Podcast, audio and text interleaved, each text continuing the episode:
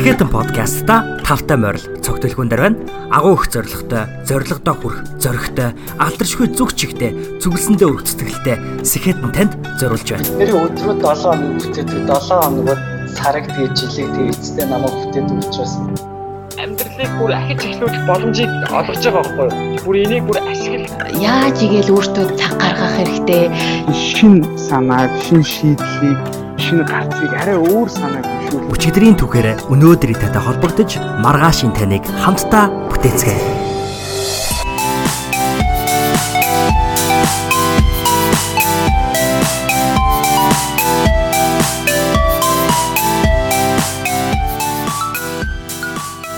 Амар хялбар амьдралын төлөө бүү залбир харин хэцүү амьдралыг туулах хүч чадлын төлөө залбир гэж тулаанч Брюсли хэлсэн байдаг. Бидний энэ дугаарын зочин бол спортын сэтгэл зүйч, дасгалжуулагч, Монгол телевизийн хөтлөгч Баасан Сүрэнгийн мандуул юм. Бүгд найрамдах Куб улс дахь олон улсын биеийн тамир спортын их сургуулийг спортын сэтгэл зүйч болон сагсан бөмбөгийн дасгалжуулагч мэрэгчлэр сурч төгссөн мандуул нь мэрэгчлэр ажиллаж байх хугацаанд Монголын сагсан бөмбөгийн үндэсний эмэгтэй шигшээ багийн ахлах дасгалжуулагчаар ажиллах саналыг хүлээн авч 2014 онд Азийн наадамд анхудаа түүнийг дасгалжуулсан баг нь шилдэг 8 шалгарч байсан түүхтэй лээ. Улам 2015 оноос мандуул нь телевизийн салбарт хүлдавж хамгийн сүүлд гэхэд хоёр хөтлөгч хамтаараа хөтэлдэг байсан дэлхийн хэмжээний шоуг ганцаараа хост гэж хөтлөгчөөр нь ажилласан болохыг бид бүхэн сайн мэдхүлээ. Мандуул ах бит хоёрын дугаартаа Кубост очиж суралцсан түүний цаг хугацаагаар аялсан мэт түүх спортын гол дөрвөн баг нь болон тэдгээрийг өөрсдийн амьдралдаа хэрхэн нэвтрүүлж болох тухай Куб улсад эзэмшсэн мэрэгжил болон ааваасаа сурсан эрдмээ ашиглаж Монголын үндэсний шигшээ багийг тасгалжуулсан түүх бид эрүүл урт удаан эрч хүчтэй амьдрахын тулд тогтмол хийж болох хамгийн хямд бөгөөд хамгийн боломжтой спорт. Түүнийг хэрхэн амьдралдаа зуршил болгох тухай сониуж байхын байнгын асуулт асуудаг байхын хамгийн том хүч болон дасан зохицнох тухай гих мэтчлэн бусад олон гайхалтай сэдвүүдийг хүрээд бид ярилцсан билээ ингээд хэдүүлээ хамтдаа энэхүү ухаарах ёстой зүйлсийг эрт ойлгуулах, тарих дэлбэлж, магна тэнэлгэх дугаар руугаа хамтдаа үсэрцгээе.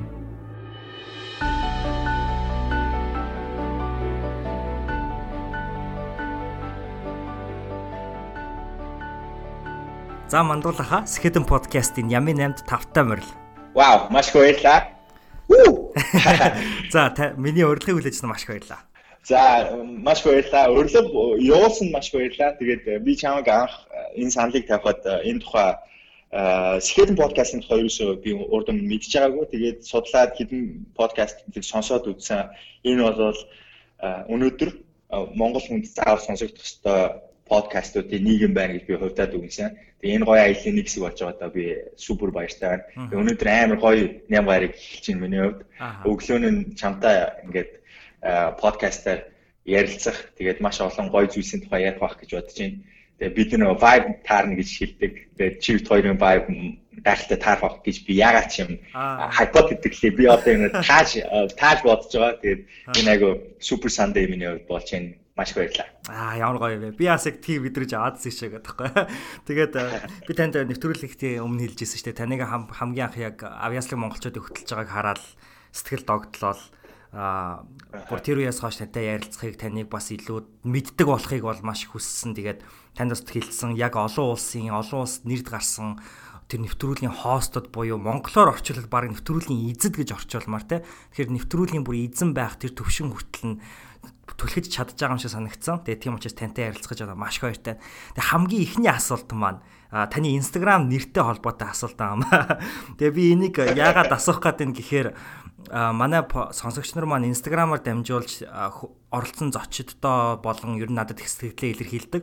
Тэгээд хамгийн сүүлд би бас таны Instagram-ыг зарлан тэгээ тэр үед бас өөрийгөө аюулгүй байдалд оруулах гон тулд таны Instagram хандл чинь мандуул эро гэдэг байгаа тий. Тэгээд өөрийгөө та бид бүхэн танилцуулаач бас яагаад Instagram хандлаа мандуул эро гэх болов Rocket Bay яхийг нөө erotic bay гэдэг дээ. Erotic мандуул гэдэг байсан нүгөө гэдэг тахгүй. Тэгэхээр ер нь энэ бүхнээ бид танилцуулаач гэж байна. Вау, just the super асуулт байна. Надаас юу н тэр болгон хүмүүс асуугаад байдгүй. Яагаад энэ нэртэй ийж гэж асууж исэн тохиол байдаг ч гэхдээ тийм олон биш. А Мандулеро гэж одоо наваг куб сурдаг байхад манай найз нар дууддаг байсан. Аа яг тухайн үед нэг Rico-гоос гаралтай reggaeton гэдэг жанрын дуучин Don Omar гэдэг та бүхэн сонсч ирсэн баг. нөгөө юун дээр Fast and Furious дээр дуугийн дуулаад байдаг бас тоглолтын нэг зал байдаг. Тэрний Bandolero гэдэг нэртэй тийм дуу байдаг. Тэгээд тэр тэр дуун дээр яг тэр дууны утга нь бол бас нэг тийм утгатай дуу. А тэгээ яг тэр дуутай холбоотойгоор би тэр дууг дуулж явж байгаад жоохон үгийг ингээ орчуулад одоо та бүхэн надад энэ нэрийг өгсөн. Би өнөөдөр энд байгаад баяртай байна. Миний онгор нүд одоо тухайн үед чинь бидний аягүй чино гэж дууддаг. Чино гэдэг нь болохоор ачинао гэдэг үгнээс гаралтай. Онгор нүдтэй хүмүүс гэж нөө бусдаасаа ялгаж нөө Азшуудыг тэнд тэгж дууддаг байсан. Аа за. Тэгээд anche digen che soy soy un mandolero donde voy con mis os achinaos гэдэг үгийг би гуйлаад би ингээд яг тэгж дуулаад хүмүүстэй хошигндог байсан байхгүй. Тэгээд тэрнээс болоод наваг мандулеро гэж дууддаг байсан. Тэгээ Монголд болохоор мандуул тэгээд мини пауз аваад эро гэдэг хичээлтэй нэг тийм эротикч гэж байгаа шүү дээ. Буруу ойлгохгүй. Тэгээд би энэ дунд ингээд маш олон удаа энэ нэрээс сольж, жиний мандуул болж, мандулеро болж ингэж явсан байдгийн. Ингээд одоо хугацааг ухраагаад харахад ягаад тэгэхээр хүмүүст ингээ буруу гоод Гэтэ сүүлд нь бодоод үзсэн чинь fuck би ягаад өөрийнхөө хүсэж байгаа identity зүгээр хүмүүсийн бодлоос болж солих ёстой гээд. Тэгээ би эцэст нь өөрийнхөө яг намайг дууддаг байсан нэрээр нь тавьсан. Энэ нь эргээд ямар миний одоо ажил биш дээ тэ. Just social platform just би ингээд зүгээр үлдээчигээд тэгээд ингээд сольсон. Нэрээ гоё асуулт байна. Аха. Маш их баярлалаа. За манай подкаст маань 7 хоног болгон гардаг учраас асуухан зүйтэй ах таны энэ 7 хоног хэрхэн өнгөрөв? Бид бүхэн 7 хоногоо ямар байсныг танилцуулаач. Вау. Би яг одоогийн байдлаар гэр бүлээрээ Сингапурт аялаад явж байгаа. Тэгээд амралтын байдалтай байгаа. Тэгээд фух наач өстө супер гоё асуулт байна. Учир нь яг миний одоо туулж байгаа энэ амралт бол би 2000 15 оноос хойш би телевизийн салбарт орсноос хойш яг нэг ч удаа амралтаагүй явж исэн. Одоо дөрөвт жил рүү орцсон явж исэн үе байгаа.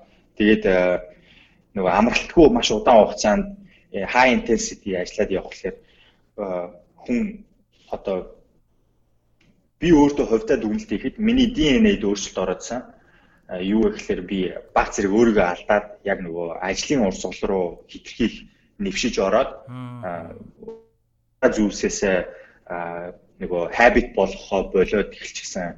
Гэр бүлдээ цаг зарцуулах нь багасаад эхэлсэн. Гэр бүлийнхнийгаа дахин таньж байна. Тэгээ би одоо үр хүүхдүүдтэйгээ хугацаа илүү өнгөрүүлснээр ямар их аз жаргал тэр хүүхдүүдийн зүйл эцэг ихтэй баг балчин байхдаа өгдгийн гэдгийг одоо ухаарч байна. Тэгээ хажууд нь байх тусам нөгөө нэг ста unconditional love гэдэг зүйл чинь яг ингээд хилэн дээр ингээд мэдрэгдээд амтагдчихж байгаа нь одоо саяны намралтын өдрүүдээр харагдлаа л да. Би тэгээ сая чамтай хамт энэ ярьслыг хийхээс өмнө өглөөгөр босоод хүүхдүүдтэй өглөөний цаг нь бэлдэж өгөх. Тэгээд өглөөний ричүүлүүд байдаг шүү дээ. Нэг гэр бүл босоод юу хийдгүү тэрийгээ хийгээд маш аз жаргалтайгаар хүүхдүүдэд үлдээчээд сайн гарч ирлээ.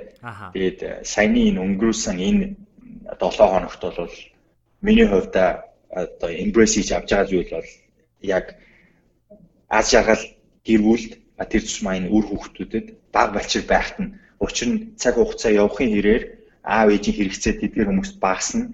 А тэгээд бид нар хэдий европчуудын амьдралын юм маягтай ч гэсэн тэр хүмүүс ирээд яваас холдоод өгнө. Одоо энэ хамт байх хугацаа ингээд арьс арьсаараа ингээд наалдаад ингээд тэврээд байж болдог энэ хугацаа бидэрт улам багасж байгаа учраас тэр хугацааг аль болох ашиглаж одоо энэ хүмүүстүүдэд quality time-ыг сайн өнгөрөөх хэрэгтэй гэдгийг л би одоо энэ өнгөрсөн 7 хоногт өнгөрсөн амралтын өдрүүдэд мэдэрлээ. Тэгээд энийг би бас spread хийж байгаадаа маш баяртай байна. Учир нь хүн хэлэхээс нааш цаас чичгээс нааш гэж одоо та бүхэн айгүй их залуучууд энийг сонсгох Тэгээд миний энэ зөвлөгөөг зүгээр ойлгоод аваад цаашаа бас яг хэрэгжүүлээсэй гэж би хувьдаа хүсэж байна. Тэгээд тийм болохоор би хэлж байгаа шүү. Маш баярлаа. таны нэрийг бас яг нөө Мандулеро гэдэг Instagram нэрийг асуусан нь би яг таныг ямар нэгэн байдлаар Куб улстай холбож хэлэх байх гэж бодсон. Тэгээд таны бас яг тэр орон нутагт амьдар тэр улс оронд амьдарч байхдаа бас өөрийнхөө яг тэр identity гаргаж ирсэн ч юм уу гэж бодсон л доо. Тэгээд та ингээ 2005 онд ер нь ахлах сургуулаа төгсөө тэгээ шууд 2005 онд Куб руу явсан юм байна шүү дээ зөв үү? Тий. Ааха. Тийм тухайд яг Куб Монголын дипломат харилцааны би буруу санааг бол 40 жилээ явуулж ирсэн баг. Ааха. Та тэгээд тийм 40 40 жилээ явуулаа да. Аа. Тийм. За энэ тухайл ер нь сонсч бас эхлэе гэж бодож байна л да. Бас Куб руу явахдаа та яг одоо зөрөгтэй байв уу, айцтай байв уу? Тэгээ ер нь амар сонин штэ. Ялангуяа Куб чинь нөгөө Америктэй Обамагийн үед харилцаа гайгүй болохоос өмнө бол дэлхийд даяар айгүй тийм бас сонин вайптай. Яг монголчуудын хувьд бол ондоо ядг байсан байж магадгүй адилхан бас түүхийн замнал төстэй учраас Гэтэ ерөнхийдөө бол одоо миний өнцгөөс ингээ харахад бол таны яг тэр байсан амьдарч исэн тэр хугацаа бол бас айгүй игцэгтэй үед очиж исэн бол таарад байгаа байхгүй. Тэгэхээр бас яаж зэрэг гаргаа тийшээ явчихв. Тэгээ тэр үед бас цөөхөн монголчууд байдаг байсан бах. Яагаад яг тийшээ очих болов мөн яагаад яг одоо өөрийнхөө мэрэгчлэр сурахаар болсон бэ тэнд очиж? Аа ер нь бол сонирхолтой зүйлсүүд их болсон. 2005 онд би сургуулаа төгсөж байхад ер нь бол 8 дугаар ангиасаа ихлээд хүмүүс чинь ирээдүйд ямар мэрэгчлээ болох тухай ярилцаад эхэлдэг, багш нар ч гэсэн асуугаад эхэлдэг. За тухайн үед бол би багасаа нэг тийм өмгөөлөгч болъё гэсэн мөрөөдөлтэй байдаг байсан. Би хууль эрх зүгээр сураад өмгөөлөгч болно, хин нэг нэг өмгөөлөх хамгаалах юм нэг тийм миний зүгээр натурт байдаг тийм зан юм болов. Тэгээ би тэр тэр тал руугаа их бэлтжижсэн. Тэгээд most бүртгүүлээд юу яана конкурс өгнө тухайч бид нэг конкурс өгдөг шөнө нь очрлдог нэг тийм үе байлаа шүү дээ.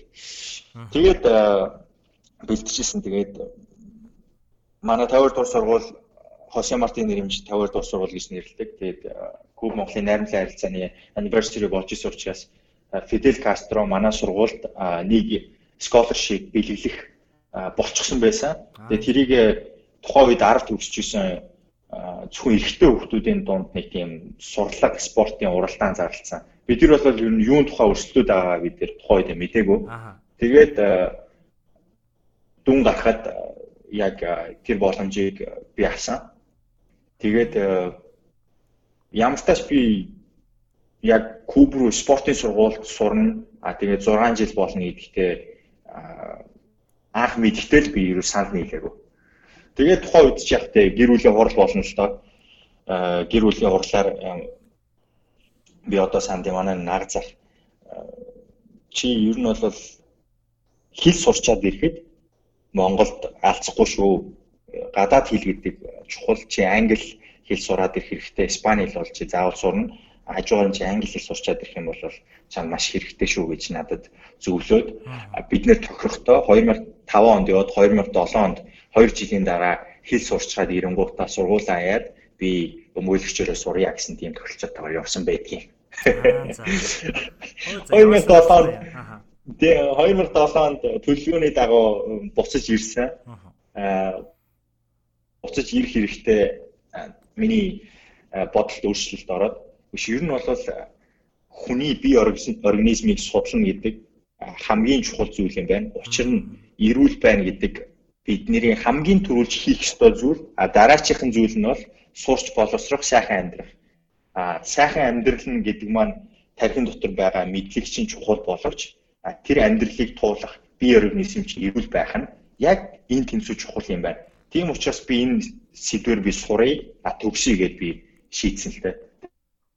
Тэгээд 2007 оны амралтаараа Монголд ирчээд буцаж яваад яг сургуулаа дууссан дуустал ямар ч тийм одоо эргэлт туцалгүйгээр шийдэж буцаж явсан.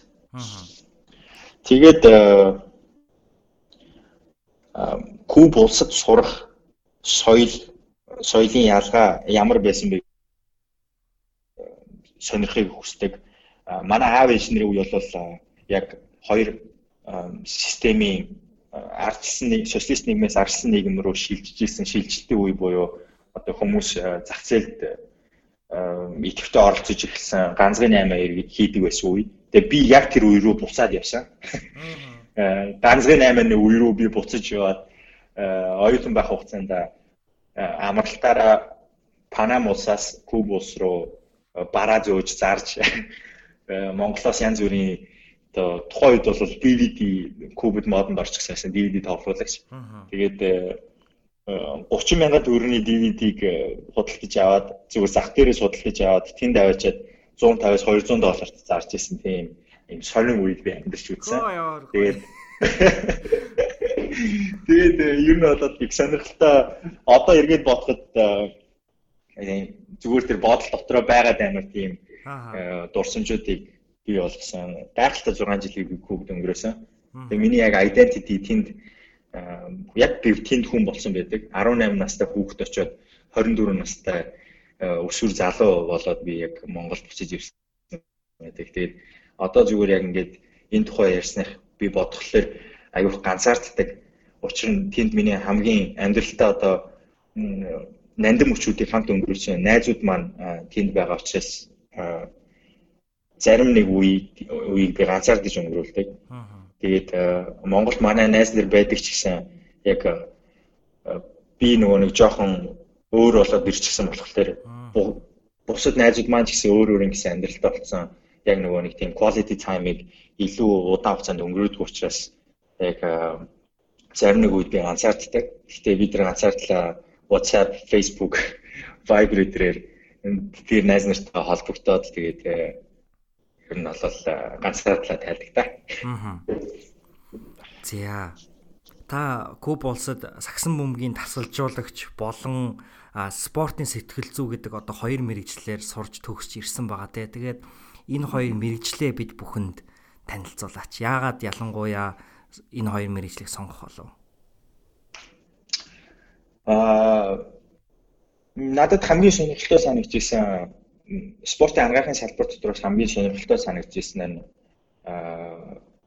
physical rehab болон sport psychology хоёр байсан. Тэгээд би ер нь бол sport psychology-г түлхүү сонгож би тухайн үед яг нөгөө нэг ерөнхий мэдлэгийнхаа хичээл дээр би сайн байсан учраас сонгоод авсан. Тэгээд thesis дотроо ч гэсэн нөгөө нэг диплом ажил дотроо ч гэсэн яг энэ энэ мэдээллийг дэлгүүр оруулъя гэдэг тэгээд шийдсэн л дээ. Тэгээ яагаад энэ сэдвийг сонгож авсан бэ гэхээр би 2010 онд амралтаараа дипломынхаа ажил зориулаад би Монгол руу ирээд дата цуглуулахын тулд ирсэн. Тэгээд Монголд миний хүсэж исэн дата байгаагүй. Монгол хүний бие физиологт хийсэн судалгаа байдгүй. Тэгээд ойрын ойрын 10 20 жилд яг тэгээс 18 настай Монгол хүүхэд ямар өөрчлөлтөөр ямар хугацааны мөчлөгтөөр бие физиологт нь ямар өөрчлөлтүүд гарч байгаа вэ гэдгийг судлаагүй тэр дата надад олдоогүй. Тэгээд тэр бол 2010 оны байдлаар одоо ямар болж байгааг би мэдэхгүй байна. Гэхдээ энэ судалгаа хийгдчихэж өнөөдөр 1-р ангийн хүүхдийн цүнхэндээ авч явах номны килограмм болон цүнхний хэмжээ биеийн тамирынхаа хичээлээр үүсэх ёстой одоо сургалтын төлөвлөгөө гих зэрэг зүйлс нь тэр судалгаан дээрээс гарч ирэх ёстой. Монгол хүүхдийн судалгаан дээрээс болохоос биш ямар нэгэн Япон юм уу эсвэл Азийн орны эсвэл Европын орны хүүхдийн судалгаан дээр аа тийм төлөвлөгөө бий болж болохгүй. Энэ бол надад маш харамсалтай санагдчихсан. Тэгээд би тухайн үед accessible data надад Вьетнам улсын хүүхдүүдийнхээс учраас би Вьетнам улсын хүүхдүүдийнх төр би зүгээр хувиргаж тавиад би тэрийг нэрийг нь Монгол болгож өөрчлөөд яахын аргагүй ийм худлаа дата хэрэглэхээс өөр аргагүй төрсөн л дээ. Надад угаасаа тэр судалгааг хийх мөнгө болон эдийн засгийн боломж болон болцоо байгаагүй. Учир нь би Монголд байхгүй байсан учраас амралтын хугацаанд бид тэр судалгааг хийх боломж байхгүй. Дээрээс нь энэ судалгаа зүгээр нэг 3 сарын хугацаанд хийгээд хийждэг судалгаа биш 10-аас 20 жилийн дотор хийгдэх ёстой судалгаа. Энэ бол эволюцийг судалж гаргаж байгаа учраас өнөөдрийн 6 настай хүүхэд чинь 10 жилийн дараах 6 настай хүүхэд хоёрын хооронд маш том ялгаа байх болно. Энэ хотчлт болон хүмүүсийн амьдралын маягаас болоод Тэгээ тийм датан дээр суурилсан арга зүй бодиттой болдог. Тэр тэр дата Монголд байхгүй байгаа нь маш харамсалтай байсан. Тэгээд энэ зүйлсийн тухай өнөөдөр хүртэл яригддггүй нь бас айгүй миний хувьдаа одоо харамсаж явдаг зүйлсийн нэг. Тэгээд би энэ мэрэгшилд дурлсан шалтгаануудын нэг бол тэр Монгол хүний бие физиологи сайн болох ёстой. Бид нар байглаасаа натур маань бие бэлтрийн зөв хөгжөлтэй хүмүүс. Тэгээд энэ хөгжлийг бид нар улам сайн болгохын тулд юу хийх ёстой юм. А тэгээд дээрэс нь багаар ажиллах чадварыг хүмүүст бий болгох. А дээрэс нь яг энэ тархин дотор байгаа сэтгэхүй, сэтгэл зүй гэдэг зүйлийг өдөр тутмынхаа амьдралд хүмүүс хэрэгэлдэг болгохын тулд би юу хийж чадах вэ гэдгийг олж мэдхийн тулд би энэ межерийг би сонгосон л доо. Аа. За. Би бүр таны ямиг сонсоод хэлэх үггүй болол сууж илаа. Яалтчгөө маш чухал нарийн сэдв гэдэг нь бол их тодорхой сонсогдож байна л да. Тэ тэр ялангуяа хүүхд бүх зүйлүүдийг тухайн судалгаан дээр хийж үндэслэж хийх хэрэгтэй гэдэг. Тэгээд би танд нэг ийм асуулт бэлдсэн юм а. Та надаа энийг буруу бол надад засч хэлж өгөөрэй гэж хүсэж байна. Тэр нь юу гэхээр та одоо ингээд Кубад ингээд байж агаад тэгээ Монголд одоо ирж штэ тий 6 жилийн дараа гэсэн үг үү тий. Тийм 6 жил. Аа.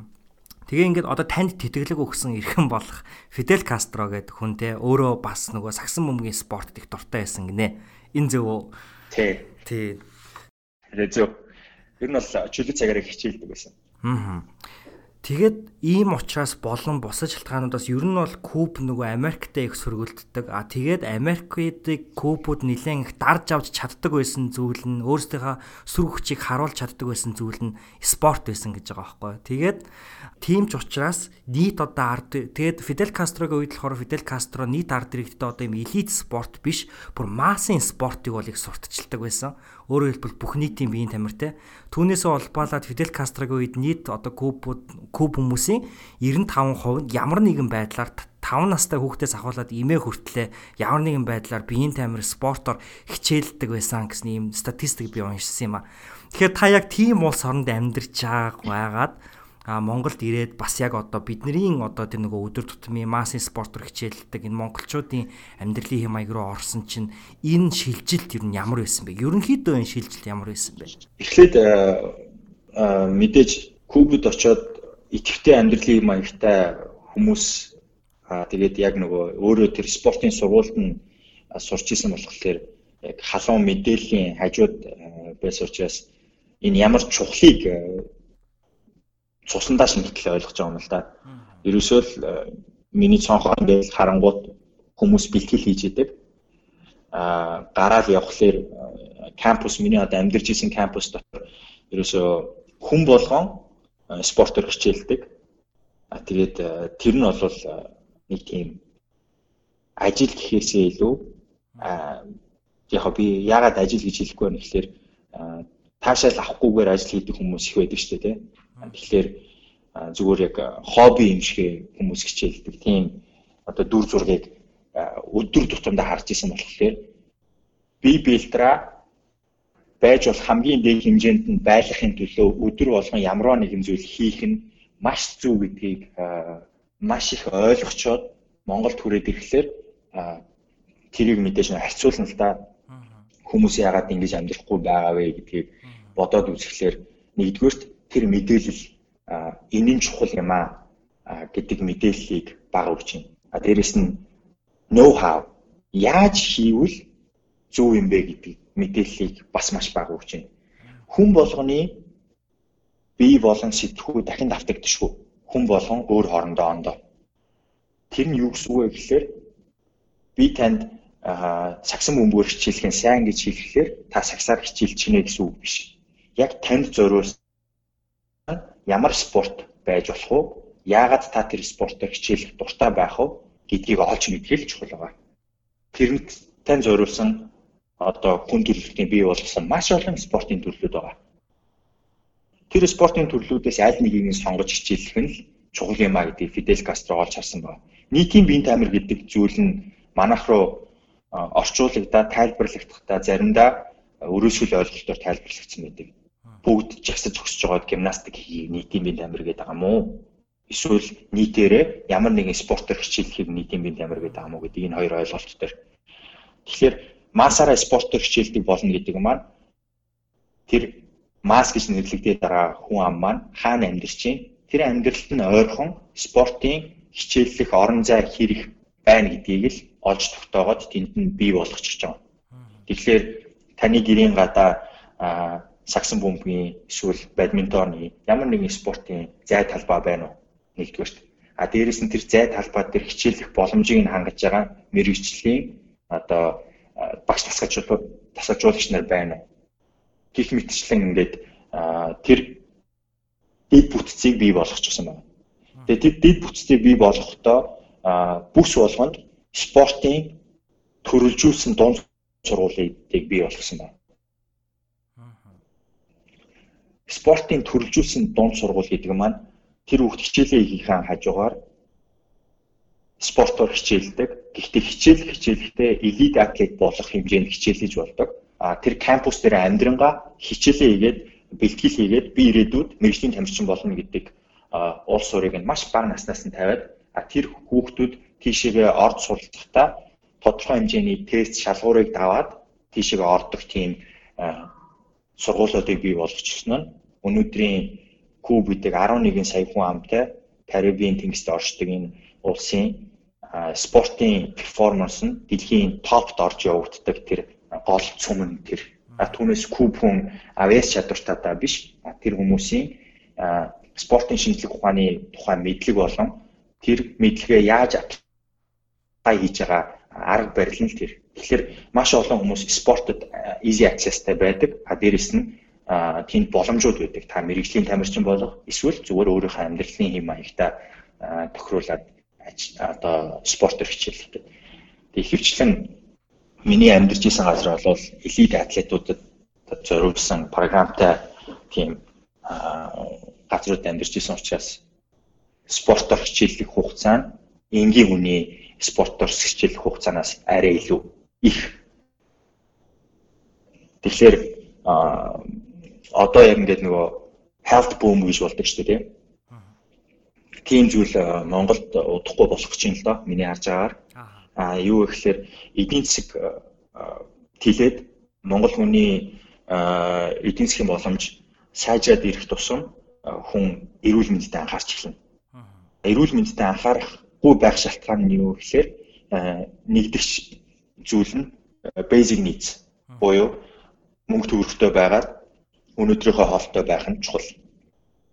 Өнөөдрөөс нөгөөдрийн хоол, нөгөөдрөөс сарын дараах жилийн дараах хоолныхоо мөнгийг хийцэн хүмүүс юунд анхаарах вэ гэхээр эрүүл мэндэд анхаарах. Тэгээд э, ер нь хугацаа бих ойрхон байгаа болов уу гэж би хардаг. А мэдээж би манай удирдагч нар зөв ингээл нэг улс орн маань улс төртэй холбоотой учраас биднийг удирдах хүмүүс зөв шийдвэрүүдийг удаа дараа гаргаад ирэх юм бол Монгол хүн эрүүлжин. А сайн нүүтийн баримтын одоо нөгөө нэг буцаан олголттойгоор хамгийн их баримт одоо гаргасан татвар төлсөн компани маань Monus компани байсан. Тэгээ энэ нь бол нэг талаасаа одоо эм нийлүүлдэг компани хамгийн их борлуулалт хийсэн байж таархлаар энэ бол бас харамсалтай тоо байгаа юм л да.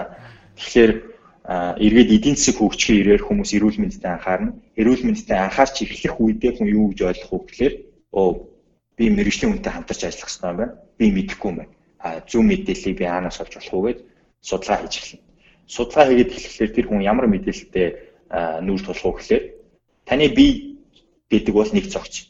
Таны тарих гэдэг чинь таны биеэс тусдаа ажилтдаг зүйл биш ээ.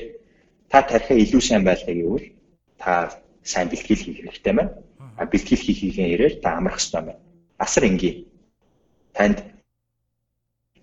тухайн спортоор хичээлэх техник буюу арга барилын тухай мэдээлэл хэрэгтэй. А дараад нь та тухайн спортоор хичээлснээрээ ямар үр дүнд гарах вэ? Ийм л байгаа юм л да. Техник, тактик, физик, psychology гэдэг ийм дөрвөн зүйлсээс одоо бүрдэж байгаа спорт гэдэг зүйл. Тэгээ энэ нь яг амьдрал дээр яг байдаг зүйл шахгүй.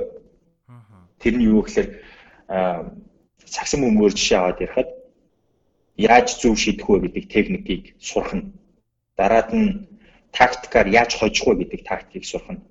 А энэ хоёрыгоо би яаж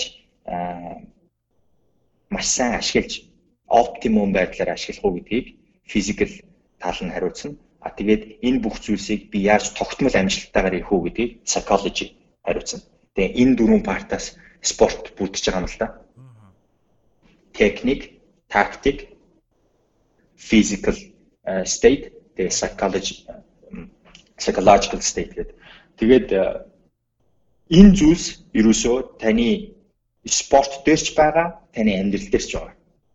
Яа тэгэхээр спортын төлөвлөгөө гэдэг жилийн 365 хоногийн төлөвлөгөөг макросайкл гэж нэрлээд микросайкл гэдэг тусдан 7 хоногийн эсвэл сарынхаар гаргаж ирдэг. Тэгээ энэ төлөвлөгөө яг нь таны амьдрал дээр ажлын ажилд тань хувийн амьдрал тань байдаг ба. Тэгэхээр энийг та зөв ачив хийхин тулд танд psychologically healthy байх хэрэгтэй. А дээрэс нь яаж түндэ өрөх үү гэдэг тийм тактик байх хэрэгтэй. А дээрэс нь таны physical performance сайн байж ич та тэр амжилтанд approach юм. Тэгээд яг ингээд спортыг задлаад үзэхлээр спорт гэхэд нэрлэжээд байгаа болохоос биш хүнд яаж амьдрах уу гэдэг ноу хавыг заагаад байна. Зүр тэрийг та интерпрет хийгээд өөрийнхөө амьдрал руу ингээ уруулад тэр томьёог ашиглаж болох байхгүй.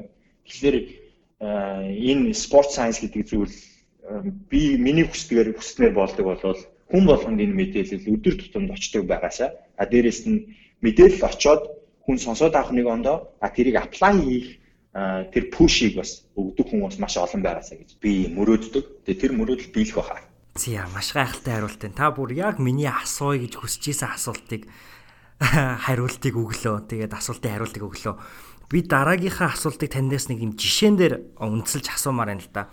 За та одоо ингээ Кубад сураад а мэрэгжлээ эзэмшээд Монголд хүрээд ирсэн тийм үү. Тэгээд би таны тухай уншижсэн чи 2014 онд та Азийн наадамд анх удаа Монголын эмэгтэйчүүдийн сагсан бөмбөгийн багийг авч яваад ахлах тасгалжуулагчаар навж яваад тухайн од наадамд шилдэг 8-д орж исэн гэд тэгсэн байсан. Тэгэхээр та яг одоо энэ спортын сэтгэл зүй гэдэг зүйлийг одоо бид нар би би ингээд төсөөлөхдөө спортын сэтгэл зүй гэхээр яг нөгөө юу бодогдоод идэг л та ингээд нөгөө locker room talk гэдэг шээ те ингээд нөгөө Хуцсалдаг өрөөнд яриад идэг. Тэгэл дасгалжуулагч нь ингээл идэг. Тийм төсөөлөгдөд идэг. Гэтэл үүнээс том зүйл гэдэг нь ойлгомжтой. Тэгэхээр та яг мэрэгчлэрээ сурч хурж ирээд Монголынхаа хүмүүс Монголынхаа тамирчдыг дасгалжуулаад явж байхдаа өөрийнхөө тэр сурсан мэрэгчлээ хэрхэн нарийн ухаан гаргаж яг тэр үед хэрэгэлсэн бэ? Яг тэр 2014 оны жишээн дээр. Сурсан мэдсэн гэдэг зүйл хүнд байж болох хамгийн чухал тэгээ нандин зүйл тэгээ нөгөө тэгээ хамгийн гол нь хинч танаас булааж авч болдгоо нэг зүйл бол тархин доторх мэдлэг мэдээлэл байгаа шүү дээ. Зөв Солонгос киноны л э, юу л болчихдгүй юм бол тэ аксидент ой санамжаал мартчихдгүй юм бол хин нэгэн булааж авах боломжгүй. Тэгэхээр та тархи руугаа мэдээлэл мэдлэг хийж байх үе бүртээ э, таашаал авах хэрэгтэй. Тэгээд тэр таашаал та донтох юм бол маш энгийн гайхалтай аз жаргалтай амьдрал руу өртнө гэж би яг энэ завшааныг ашиглаж хэлмээр байна. Тэгээд э, би тухайд Монголд 2013-аас 14 онд би Сингапурт байжгаад 14 оны ихээр би Монголд очоод яг очоод энэ саналыг авсан. Эмэгтэй шгшээ аваагийн засгалжуулагчаар ажиллах саналыг аваад гайхалтайгаар баяртайгаар авсан. Тэр бол коуч нарын хувьд бол мэдээж хүсэх хамгийн топ зүйлсийн нэг байх болно. Улсын шгшээ аваагийн ахлах засгалжуулагч болно баскетбол коучийн хувьд пик нь магадгүй яг пикийн доохон талд байх бах. Дараагийн пик нь бол NBA коуч, NBA head coach болно гэдэг бол одоо коуч хүний үндсэн одоо мөрөөдөл байх болов уу гэж харж байгаа. Яагаад тэгэхээр тэнд топууд нь байгаа. Тэнд ажиллах хамгийн амархан нь тэрнээс доош левелүүдэд коуч ажил маш хэцүү байдаг. High level бол коуч ажил доотхосоо хавь үгүй амархан байдаг. Тэгэхээр тэр мөрөөдөл рүү л одоо хүмүүс зорж ажилтдаг болов уу? А миний ч гэсэн нэг мөрөөдөл Босton Celtics-ийн коуч болчихсон байх бас боломж байгаа. Гэхдээ маш их effort гаргах хэрэгтэй болно гих зэрэг. Гэхдээ энийг би хүчтэй мөрөөддгүү. А тэрнээс наан хийх зүйл маш их байгаа учраас а тэгээд яг а тэр саналыг аваад эмгтэй шиг шавг дээр ажиллаж явах хугацаанд бол насан туршчихсан. Тухайн үед ер нь бол тийнейжер хүмүүс маш бага байсан. Ихэвчлэн насан туршчихсан атлетуудтай ажиллана гэдэг. Тэр тусмаа эрэгтэй хүн эмэгтэй хүнтэй ажиллах арга барил бол их содон арга барил гэдэг. Тэгээд энэ арга барилыг би бас яг баг болчин наснаасаа аавыгаа аавынхаа хажууд харж өссөн учраас надад тэр арга барил инстинктивли надад суурчсан байсан. Манай аав эмэгтэй шгшээгийн салжуулагчаар бас маш олон жил ажилласан, гайхалтай амжилт үзүүлсэн хүн байдаг. Гэхдээ волейбол спортод зүүн өмнөд Аз гэдэг regional тэмцээнээс Монголын анхны багийн спортоор хоёр медаль авсан, мөнгө хүрэл медаль авсан тохиолдол нь манай аав эзэмшдэг. Тэгээд яг тэр мэдээлэл мэдлийн хажууд байсан хүний хувьд бол надад сургуульдаа сурахад ч төхөн байсан. А дээрэс нь эмэгтэй хүмүүстэй ажиллахад ч төхөн байсан. Тэгээд залуу хүмүүс Монголд байдаг нийтлэг ойлголт нь юу гэхээр хөгшин хүн залуучуудаа удирдна гэдэг тийм нийтлэг одоо зуршил бий болчихсон байдаг. Тэгээ залуу хүн залуу хүнээ удирдаад явах нь харагдах талаасаач тэр бусад одоо нөгөө зуршлын эсрэг ажиллаж байгаа хүмүүсийн хувьд буюу одоо манай тэр охтуудын хувьд тамирчдын маань хувьд ихэнх үедээ хэцүү байсан баг. А гэхдээ энэ хэцүү барьерыг яаж таах уу гэдгийг надад хүүбд байсан тэр мэдлэг боловсрол олгосон хугацаа маань тусламж болж намайг аварсан байдаг. Тэгээд яг хөөхлөөр агуулгад анхаарлаа хандуулах нь чухал. Ямар нэгэн зүйлийн агуулгад харагдах тал нийтлэг ойлголтын эсрэг тухайн мөчөд ирж байгаа мэдээллийн одоо корн юу юм те цөм нь юу юм бэ гэдгийг л ойлгох нь чухал.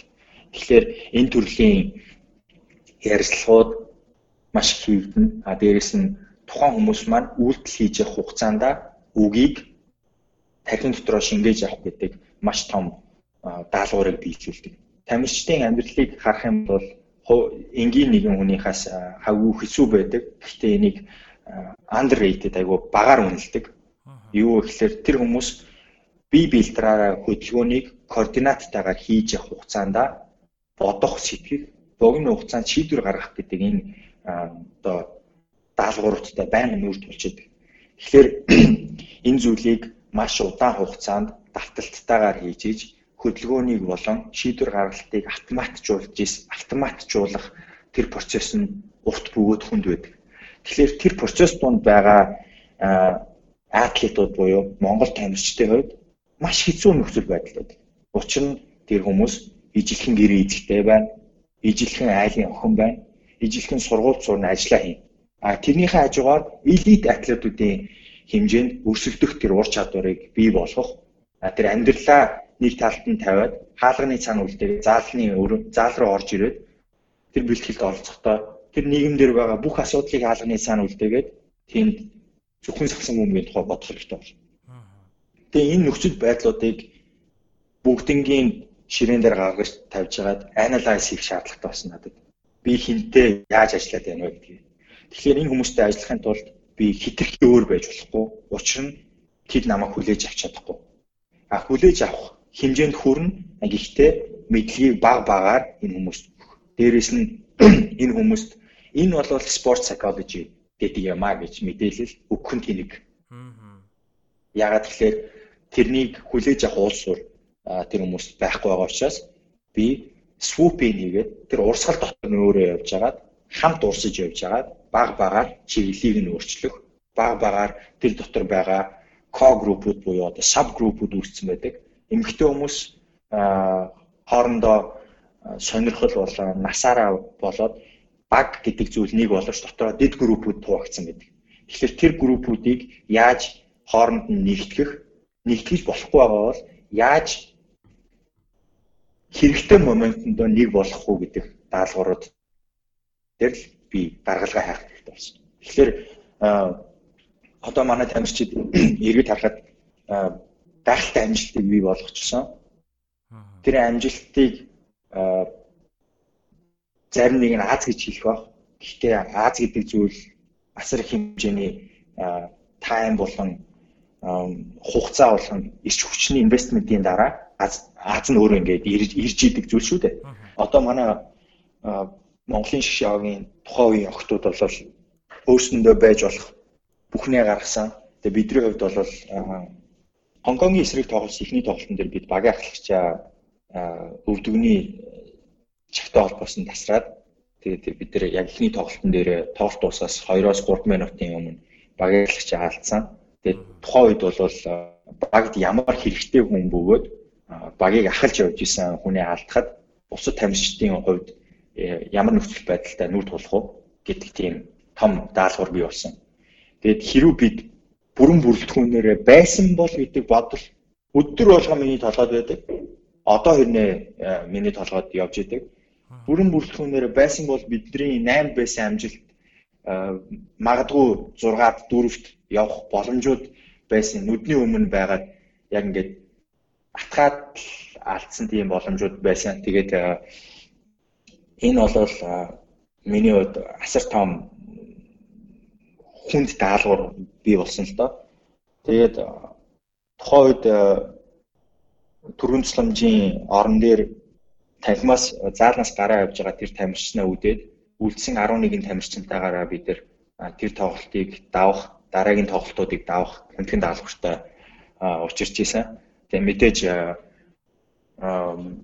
миний амнаас гарч байгаа мэдээллийг юу юм а гэд шидэд тоглох шийдвэрийг гаргаж байгаа тэр тамирчид маань хамгийн нэгдүгürt надад итгэх хэрэгтэй болсон.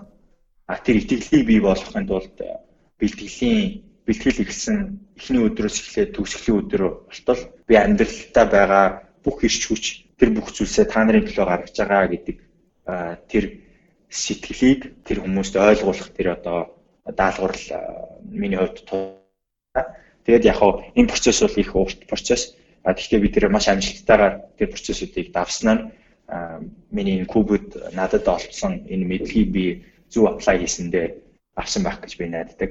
Тэгээд би бас Монголынхан тэр тухайн үеийн шгшээг тоглож исэн тамирчдаа би би баяр хүргэж аз жаргал хүсмээр энэ завшааныг ашиглаад би энэ энэ хугацаанд вирусын үгийг хилээгөө уудсан байна. Тэгээд харамсалтай нь манай охтууд одоо манай эрэгтэй шгшээгийн тамирчид аа аюу одоо маш харамсалтай мөчийг туулж өнгөрүүлж байна. Учир нь Монголын сагсан бөмбөгийн спортод нүүр тулаад байгаа хагарлаас болоод энэ хүмүүс спортын амьдралд байдаг маш богино хугацаанд үргэлжилдэг пик үе алдж байгаа. Олон улсын тэмцээнд оролцохгүйгээр пик үе алдаж яг одоо тамирчууны насжилт болыг богинохон мэрэгжлийн тамирчууны насжилтыг богинохон тэр богинохон хугацаанаас маш их хугацааг нь зөвхөн сагсан бөмбөгийн спортод нүүрлээд байгаа энэ хагарал улс орныг төлөөлдөг тэр шишээ огийн амжилттай яваа тамирчдад тулгаж байгаа маань бол маш харамсалтай. Тэгээ би энэ энэ зүйлсээс болоод яхаа аргагүй амьдралдаа хүсээгүй шийдвэр гаргаад телевизийн салбарт орсон байдаг. Тэгээд одоо ингээд бодоход зүгээр л улсын хурлын гишүүн Эрдэнэ гэдэг хүн шинэ холбоо бий болгож хагарлыг үүсгэснээс болоод л одоо ингээд ийм байдалтай нүүр тулчихсан. Тэгээ болдог бол цаг хугацааг буцаагаад энэ хагарлыг болохоос өмнө урдчлаа сэргийлээд хагарлыг үүсгэж байгаа хүмүүсийг хамт ажиллаулдаг болгочих юмсан гэдэг тийм бас мөрөөдөл өгдөг. Гэхдээ өнгөрснөө бид нар буцаах боломжгүй. Тэгээ одоо ингээд энэ асуудал хурдан шийдэгдээсэй л гэж залбирдаг. Тэгээд шийдэгчих юм бол би бас ингээд нөөц болцоогоо энэ спортынхаа хүмүүст мөн спортын амьдралд амьдралаа зориулчихсан байгаа яваа хүмүүстээ бас тусалж дэмжиж мэдлэгээ хэрэглэх юмсан гэдэг нууц мөрөөдөл бол надад байдаг. Аа. Зя танд бас би баяр хүргэх зүйтэй гэж бодож байна. Хэдий одоо 5 жил өнгөрцөн биш ээ те. Танд бас тэрхүү дасгалжуулагчаар нь байж тэр хүмүүсийг тийм гайхалтай амжилтанд хүргэх тэрхүү хүчин байсан танд бас баяр хүргье гэж хэлье. Дараагийн асуултаа ингэж асууя гэж бодож байна. Та бид бүхнийг магадгүй энэ подкастыг сонсож байгаа хүмүүсийг дасгалжуулаач гэж. Тэр нь юу хэлэх гээд байна гэхээр би таны оролцсон Urban Talk гэдэг нөгөө ярилцлагын нэвтрүүлгийг үзсэн. Амьдралын маягийн ярилцлагын нэвтрүүлэг байсан тийм. Тэгээ та тэрэн дээр ингээ хэлжсэн л та. бидний ингээд зүрхний зохилт бол ихэнх үедээ нэг 50-аас 60 орчим ингээд минутанд зохилоод ингээд бэж идэг. Гэтэл өнөөдөр ингээд пүүзэн өмсөд гараад гүүхэд бол тэр зүрхнийхаа цохилтыг нэг 100 ч юм уу хүргээд ингэдэг. Тэрийг та өдөрт 3-аас 4 одоо 7 хоногт 3-аас 4 удаа давтах юм бол одоо өнөөдөр монголчуудын өмнө тулгамдаад байгаа нөгөө дундаж насалт гэдэг зүйлээ хүртэл бид нар бол нэмэх боломжтой гэдэг энэ зүйлийг та ярьжсэн. Тэгэхээр Монголд бол та дөрөв хэллээ нийтийн биеийн тамирын спорт бол одоо яг хөгжих энэ үе дээрээ бас яг гол одоо ийм шилжих үе дээрээ байж гэнэ гэдэг чинь Тэгэхээр энэ магадгүй үеийг бидний одоо энэ сонсож байгаа сонсогч нар бас дараагийн хэмжээрөө түлхийч гэдэг юм уу? Тийм боломжтой бол бид нар юу нэг хаанаас эхэлэх вэ? Энгийн бид нарыг хаанаас эхэлж амьдралдаа энэ зөв одоо хэм маягуудыг ялангуяа спортын амьдралын маягуудыг оруулах вэ? Айгуу комплекс асуулт асуулт энэ асуулт. Комплекс гэдэг маань юу вэ гэхээр зүгээр л бэлтгэл хийх тухай яригадаад байгаа боловч эргээд үр дүн хүсэж байгаа таны хувьд өөрийнхөө амьдралд бэлтгэл гэдэг зүйлийг тогтмол хийдэг нэг зүйлээ болгох нь эргээд таны амьдралын сайкл дотор байгаа маш олон зүйл өөр хоорондоо дараалал нь гүн гэсэн. Тэгээд дараалал дотор та оруулаад ядаж 21 хоног болгочих юм бол дадал болоод 21-ээс цаашаа таны яг хэм маяг болж хувирах боломжтой. Гэхдээ хүний амьдрал гэдэг тааварлаж болдгоо маш олон асуудлууд донд явж идэг учраас хэцүү хэдий сайн төлөвлөгч хэдийч таны амьдралд байгаа факторууд маш олон учраас таны нөлөөлөхгүй хүчин зүйлүүдээс болоод дадлуулахгүй байх ч тохиолдол байна. Эргээд үр хүүхдтэй арс хэрэг ажилтай хүн бэлтгэл хийх хэцүү цаг зав нь болохгүй байгаа уу юм. Яагаад болохгүй юм бэ гэгээд ингээд бүх хийж байгаа үйлдэлүүдийг ингээд хараад үзэхлээр нэрэл болохгүй байгаа хүмүүс байна. Тэр хүмүүсээс шаардахад маш хэцүү. Нойр хэрэгтэй, өглөө өгөр хийх нь эрэгтэй хүнд зөв үдээс хойшиг нэмэгтэй хүнд гих мэтчлээ. Тэгээд хүмүүс гэр бүл гэдэг зүйлийг төлөвлөж эхлэхээс өмнө гэр бүлтэй болохоос өмнө өөрийнхөө хувийн амьдралын хэм маягийг маш эрүүл зөв болгочих юм бол гэр бүл эхлээд хостой болоод амьдраад явах эхний өдрөөсөө эхлээд хамтдаа зүг горимд орчих тийм боломжууд байгаа байхгүй. А тэр зүг горимд ороогүй байж ягаад хамтдаа бий болгочоо зүг горим руу орох. За дээрэс нь хүүхд гарсны дараа орох гэх мэт чинь том том даваанууд гарч ирнэ. Эдийн засгийн бололцоогоо нэмэхийн тулд илүү их ажиллах хэрэгтэй болно гэх мэтчлэн. Тэгээд бодглохлоор аль аль болох эрт эхлэх нь зовлон багтай байх бол яг энэ спортоор хичээлэх нь. Тэгээд яг кардиоваскулар зүйлс одоо нөгөө нэг зүрх судасны одоо ажиллагааг судалж эхлэхээс өмнө хүн зүгээр пульсээр өөрийгөө хэмжээд яваад байх хэрэгтэй. Пульс буюу зүрхийн цогцолтоороо спортоор хичээлдэг хүнийх бол минутанд 50 орчим цогцолдог бол энгийн хүнийх нэг 60-аас 65 70 хавцаа цогцолдог байгаа. Тэгээд таны яг нэг тогтмол горин болгож хийж болох хамгийн энгийн дасгал бол хөнгөнгүүх хөнгөнгүүн гэдэг маань та нэг зүрхний цохилтыг нэг 150-аас 180 дээр за бүр 200 дээр аваачих бол бүр хитэрчин нэг 150-аас 180 хооронд байлгах хэмжээнд гүүх нь одоо танд зовлон багтай а дээрэс нь таны бид маш хэрэгтэй зүйл болж хувирна гэсэн. Та өдөртөө 20 минут л гүүхэд ер нь бол эхний ээлжинд хангалттай. 20 минут гүүн гэдэг бол зарим нэг хүний хувьд маш хүн даалгавар. А бид миний өгж байгаа зөвлөгөө бол нөгөө спортоор хичээлдэггүй хүмүүст учраас энийг спортоор хичээлдэг хүмүүс маань зүгээр ойлгоорой.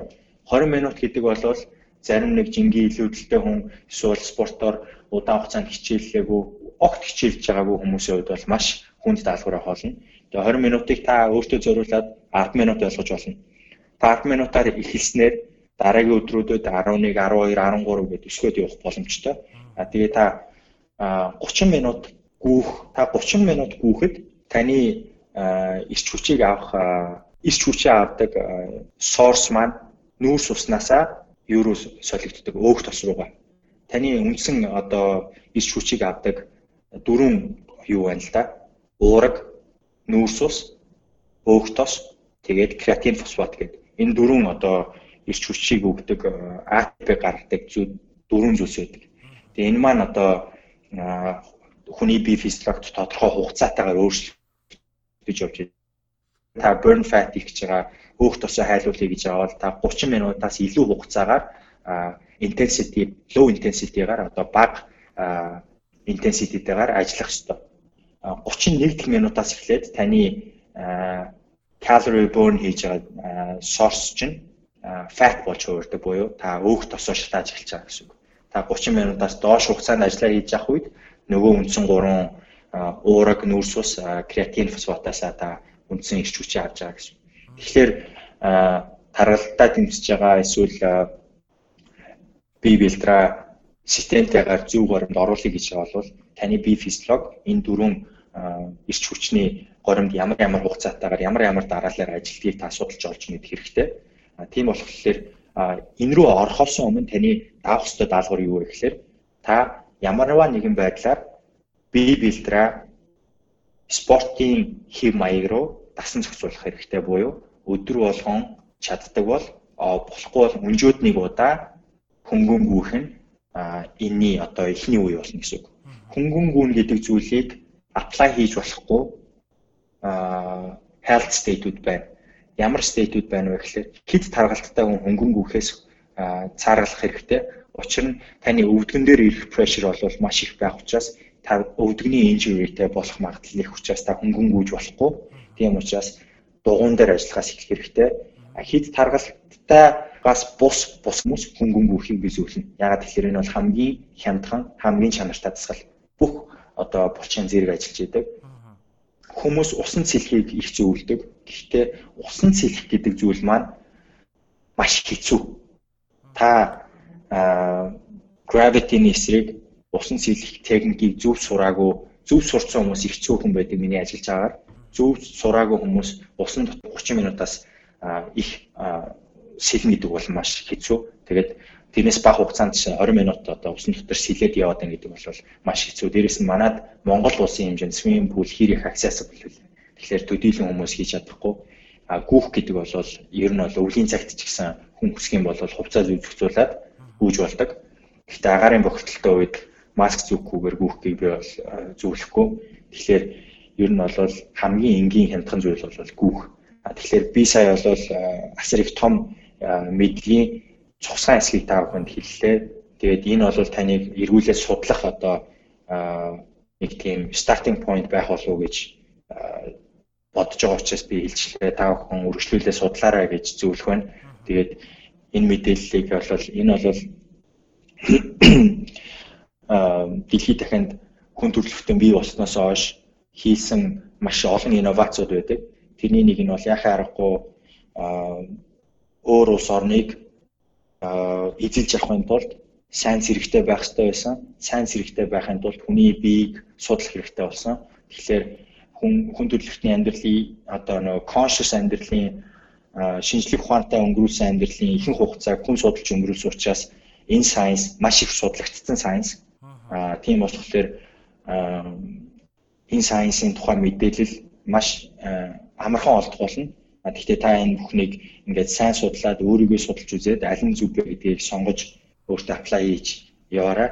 Тэгээд таны амьдралд ямар нэгэн ажил юу ч хийдэг байсан гэсэн та өөрөө биеийн тухай энэ биеийнхээ тухай сайенсыг хизээж битгий орхиорой гэж зөвлөх байна.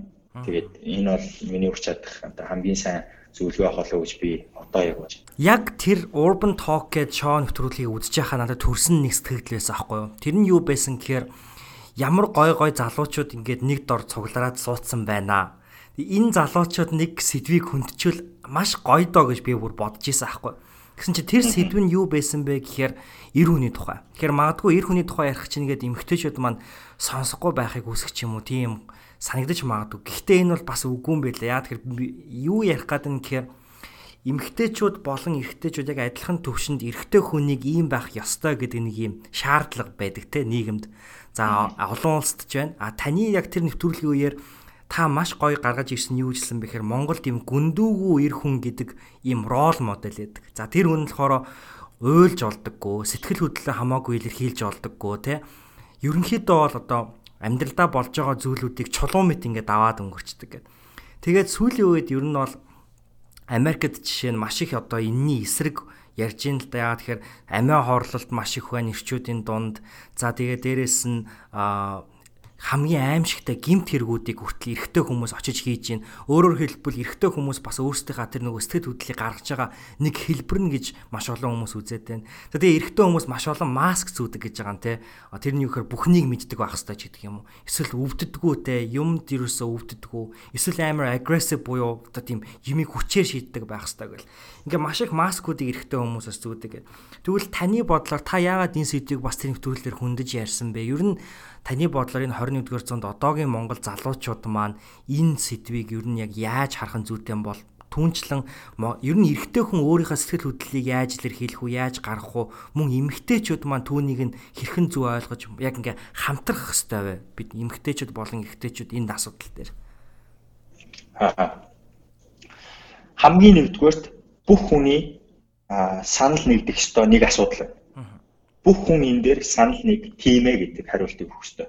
Тэр нь юу гэхээр а хүн гэдэг зүйл тэнцүү хүн гэдэг том ярил. А тэр дотор эрэгтэй байна уу, эмэгтэй байна уу, хөгжлийн бэрхшээлтэй байна уу, эсвэл ижил хүүстэн байна уу гэдг нь хамаагүй хүн хүнтэйг ижилхэн. А энэ ойлголтын дээр санал нэг толгой тохиод энэ ойлголттой холбоотой бусад асуудлуудад яг ижилхэн толгой төгсөн шигээ тохих хэрэгтэй буюу эрэгтэй хүн маань эмэгтэй хүнтэйгээ ижилхэн хүн. Аа зүгээр тэр behavior буюу одоо нэг зан төлөв нь л ондоо болохоос биш яг ижилхэн шаардлагууд, хомсдлууд, хүслүүд байж идэг. А тэгээд эр хүн эмэгтэй хүнтэйгээ яг ижилхэн, ижил хүстэй нь эр хүн эм хүнтэйгээ яг ижилхэн тэгээд тэр хүмүүс яг байгаагаар нь хүлээж авдаг тэр тэр соёлыг л одоо толгойд өгөх гэж хүмүүс ойлгох хэрэгтэй байна л да. Энэ homophobiaтэй монгол хүмүүсийг хараад ингээд онлайнаар ингээд иймэрхүү юм бичиж байгаа хүмүүстэй цаг гаргаад бичмээр байдаг боловч хитрхи одоо нөгөө системгүйгээр мэдээлэл өгөх нь буруу а энэ хүмүүст ингээд зөв ойлголтыг төрүүлэхийн тулд системтэйгээр ингээд энэ бол ингээд эволюцийн магадгүй хэдэн жилийн дараа хүлээн зөвшөөрөгдөх сэдв боловч өнөөдөр тэр их одоо ихтгэл үнэмшилтэй болчихсон насанд хүрсэн 40 50 настай хүмүүсийн ярьж байгаа одоо энэ зүйл рүү үгүй эн чинь ийм ээ гэд нэг 30 иргэн насны хүн очоод яриад ах нь өнөөдөр Монголд байгаа энэ соёлын хувьд бол болохгүй байгаа юм л да. Тэгээ яг хуу би нэг ингээд тодорхой пауз аваад зүгээр хажуугаар нь шүлсээ залгаад өнгөрдөг. А тэр мөч ирэх байх саяны түрүүний эрэгтэй хүний тухайд бол эрэгтэй хүн Монголд ямар дүр зурагтай байгаа вэ гэдгийг би тухайн тэр нэвтрүүлэг дээр хэлжсэн. Гүндүгүү Монгол хүн л одоо сайхан хүн дээ одоо өстой нөгөө хэлгээд эдрээгийн хошгиндаг шиг Монгол хүн байна да гэдэг нэг тийм хошигнолд одоо хэлэхэд харамсалтайгаар маш олон тийм тохиолдлууд байдаг. Гэхдээ одоо миний энэ дээр харж байгаа point on хийх гэж байгаа зүйл маань бол бид нар дан ялангуяа одоо миний 80-ад оны сүүл үед төрсэн миний хувьд бол боловсролын системийн алдаа гэж би өөрийгөө боддог. Аа юу вэ гэхээр манай боловсролын системд математик, физик, хим гэдэг за хэл ч гэсэн ер нь бол төдийлэн сайн байгаагүй. Энэ гурван хичээлдээ сайн байх нь одоо өстой тэнгэрийн өмгийг атгана гэдэг шиг одоо хамгийн чухал зүйл гэж зааж сургаж явсан. Тэгээ үжил бодлоо чөлөөтэй илэрхийлэхгүй байх гэдэг дүүрмийг бидэрт ангитаа орж ирмэгцээ зүүн гараа доор нь баруун гараа дээр нь тавьж агаад бүгд яг ингэж тэгшин сууж агаад үг хэлэх болцлон гараа өргөж хэлнэ. Гараа өргөж зөвшөөрлө өгдөхөөс нааш үг хэлж болдоггүй гэдэг тийм дүрмтэй буюу хүмүүс ер нь экспресс хийхдээ боломжийг маш бага олгодог шав төвтэй сургалт биш багш төвтэй сургалт буюу багш тэр системийн гол цөмөн байсан тийм үе үед бид нар байсан учраас илэрхийлэмж маш муу байсан. Тэгээд яг тэр системийн тэр боловсролын системийн төгсгөл үед би өөрийгөө байсан гэж харж байгаа. Энэ нь юу гэж юм гэхээр энээс өмнөх үе буюу бидний ах эгч нар, аав ээж нар яг энэ систем үед байсан болж тараад байгаа юм л да. Тэр багш төвтэй сургалтын систем үед. Тэгээд харахад энэ хүмүүс маань хоорондоо харилцан ярихдаа марав сэтгэл хөдлөлөө илэрхийлэхдээ маш марав бидэрт урлаг соёлын мэдлэг мэдээллийг маш бага өгдөг байсан нь би оюутан байх үедээ аа олж мэдээд тэрэн дээр их харамсдаг байсан. Надтай хамт сурч исэн дэлхийн 88-аад улсын оюутнууд нийтлэг ажиллаж исэн зүйл юу вэ гэхээр классик урлагийн тухай опера, балет гэх мэтчлэн уран зураг энэ бүх одоо ийм хүн төрөлхтний бүтээсэн юм агуу их урлаг уран бүтээлийг ойлгох, интерпрет хийх тэр мэдлэгийг 10 жилийнхэн сургуульд нь олгочихсон байсан. Тэгээ бидний хувьд бол энэ мэдлэг мэдээлэл байхгүй, балет үзээд ойлгохгүй, опера сонсоод ойлгохгүй, гайхалтай уран бүтээл байна да гэд бодож байгаа боловч яг үнэндээ энийг интерпрет хийх тэр мэдлэг мэдээллийг бидэрт маш бага өгч ирсэн байсан. Тэгээ яг энтэйгээ ижилхэн биднэрт яаж эр хүн байх вэ, эмэгтэй хүн байх вэ, яаж эцэг байх вэ, үр хүүхэд байх вэ? Ер нь яаж хүн байх вэ? Амьдрал дээр математик, химийн нэр томьёог хэрэглэхгүйгээр хэрэгэлдэг үе маш бага гэсэн ч яг амьдрал дээр нөгөө хүн байх, яаж behave хийхийг нь бидэрт заагаагүй үед бид нар амьдэрсэн байгаа байхгүй. Тэгэхээр нийтлэг нийгэм дээр байгаа ойлголт нь Аз твтер чигээрээ нэг тийм аавын эрхт, эцгийн эрхт ёсоор одоо амьдэрдэг. Ир хүн гэдэг бол амьдралаа нуруунд дээр авч явдаг. Ир хүн гэдэг бол энэ гэр бүлд байх ёстой гол гол шийдвэрүүдийг гаргах ёстой. Гэр бүлийн өдөр тутмын амьдрал гэрээ цэвэрлэх, хоолой хийх, хувц сундраа угаах, эндүүдэх гэдэг энэ ажилд оролцдоггүй. Одоо нэг тийм нэг гэр бүлийг бол компани гэдээ аваад үзэх юм бол нэг ерөнхий захирал гэдэг албан тушаалтын А байж идэг. А тэгээд одоо ээж бол ерөнхий менежер. Тэгээ хүүхдүүд бол одоо ажилчид юм уу да иймэрхүү байдлаар одоо өсгөгчсөн үр хүүхдээ ийм байдалтай болгоод төлөвшүүлсэн гэр бүлүүд маш олон байдаг. Тэгээд энэ бол буруу. Тэгээд энэ ихтгэл үнэмшлийг нь буруу гэд хэлэхлээр насан туршсан хүмүүс бол их ундууцна. Тэгээ яагаад буруу юм бэ гэдгийг фундаментаа зөв гаргах их чухал. Яагаад зөв гаргах ёстой вэ гэхээр энэ амьдралд хамтдаа амьдраад явах нь та бүхний хүсэж байгаа зүйл юм бол ирж байгаа хариуцлагыг хувааж идэх нь математикаар бодсон ч энэ дүрмийн дагуу зүг юм а гэдгийг л сайн тайлбарлах хэрэгтэй.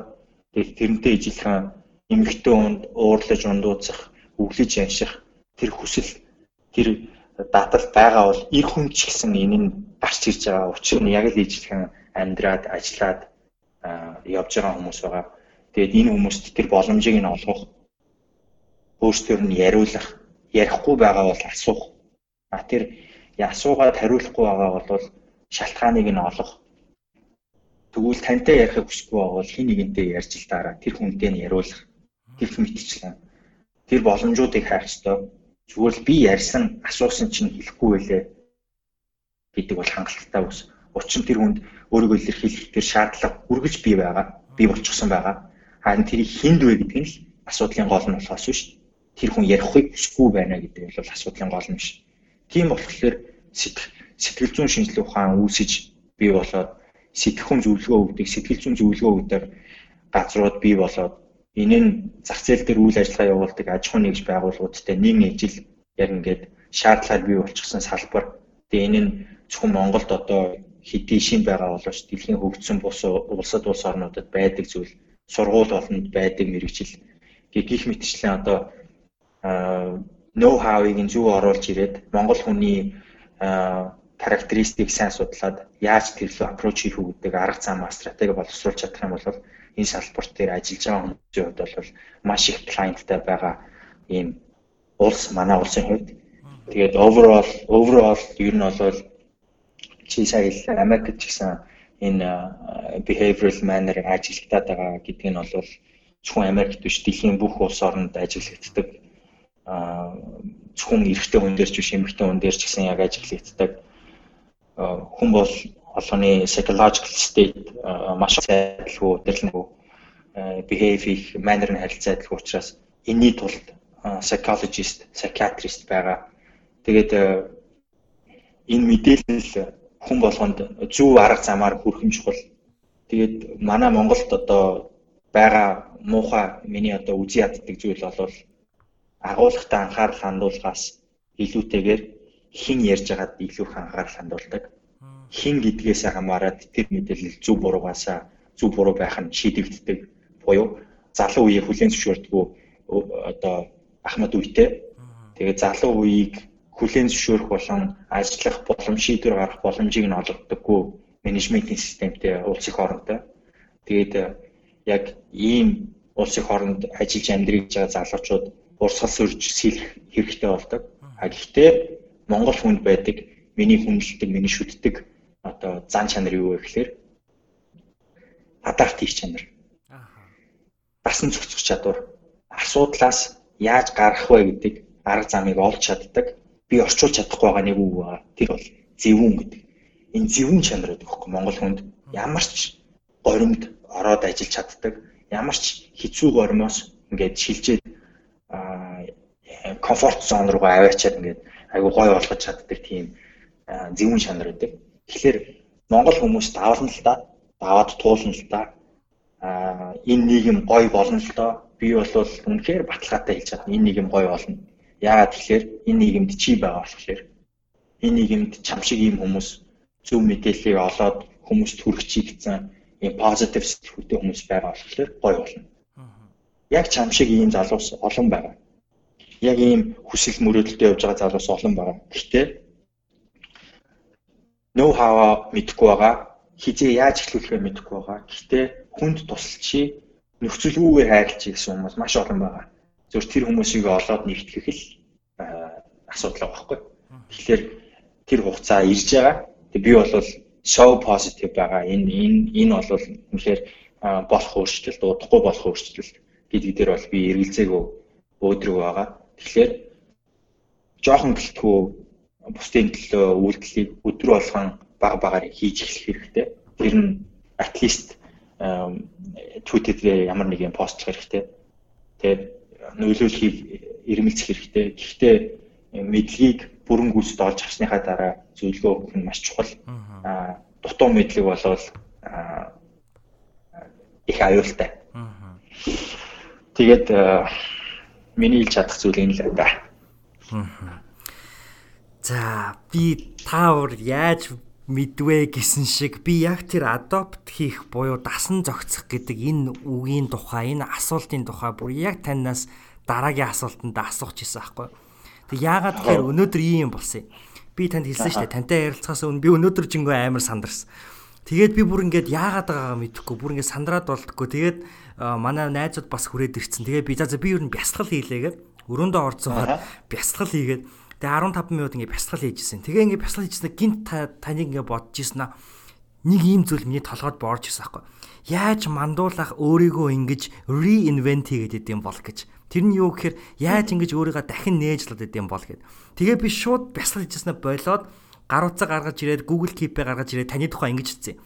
Монголоос 18 наснда Куб руу очоод За тэгээ одоо ингээд бодсон чи та Кубт очиод өстө нөгөө цаг хугацаагаар баг аялцсан байж тээ.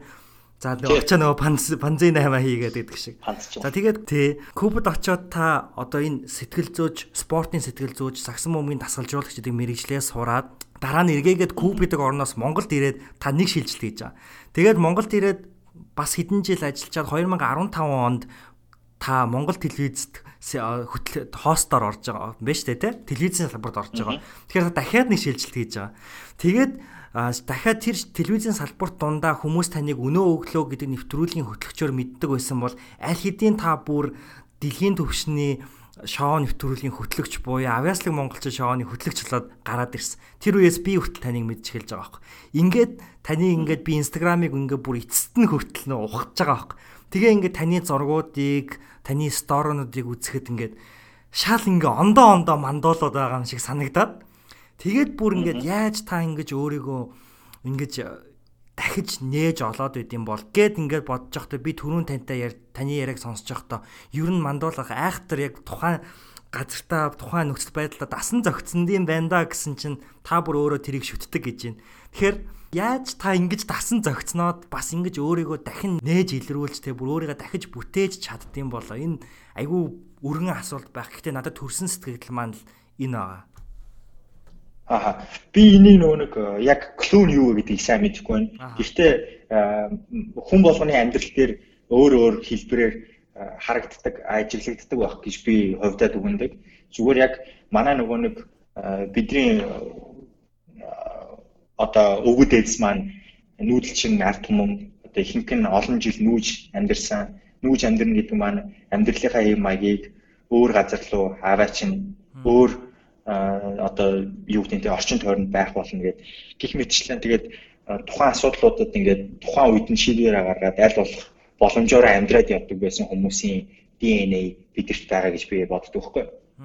Genetically genetically бидэрт энэ мэдээлэл одоо байгаа.